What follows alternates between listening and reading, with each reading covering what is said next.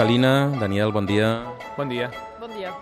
Parlem amb vosaltres, com no, de Joan Manent just abans de l'estrena del documental sobre la vostra associació que es podrà veure al Festival Ineri i també per comentar una notícia que té relació amb un dels violins Manent que ha aparegut. Com ha estat això? Bé, eh, va ser arrel d'un programa de RAC1, eh, el Via Lliure, doncs que el Genís Cinca, un periodista i escriptor que té un programa dedicat a honorables catalans, doncs el va dedicar a Joan Manent i un oient es va posar en contacte amb la ràdio dient que tenien un nou violí, de, bueno, un violí de, que havia pertanyut a, a Joan Manent.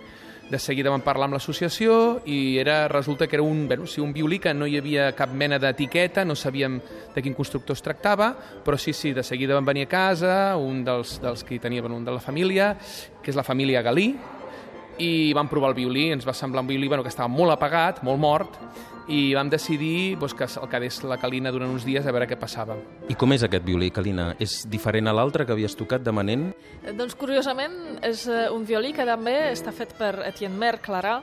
Bueno, eh, al principi doncs, clar, el violí estava molt apagat perquè durant molts anys eh, no es tocava, però cada vegada començava a sonar millor i realment és molt curiós perquè eh, aquest violí és molt diferent de l'altre, inclús de, de les mides és més ample, també el so té, jo diria que és més greu, mm, una mica potser més melós que de l'altre.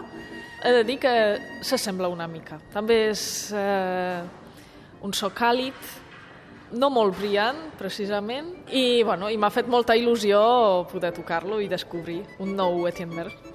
Què en sabem de la història del violí? Um, deies que ara estava en mans d'una família. Sí. Com arriba aquesta família? Eh, quan va morir Joan Manent, eh, la vídua mm, va decidir vendre moltes de les coses que tenia i que pertanyien al seu marit. I una d'elles va ser el violí, eh, eh, aquest violí, l'arc, un dels arcs, perquè tampoc no és que fos uh, l'arc, no? l'arc que ell sempre utilitzava, però era un dels arcs que tenia, i un piano, perquè ell tenia dos pianos de cua i encara els tenen. O sigui, la família Galí disposa encara del piano de mitja cua que va tenir, que va tenir el Manent al seu estudi i aquest violí i l'arc. Ara el violí torna a sonar gràcies a la Calina. Tindrà més vida o tornarà a la família Galí?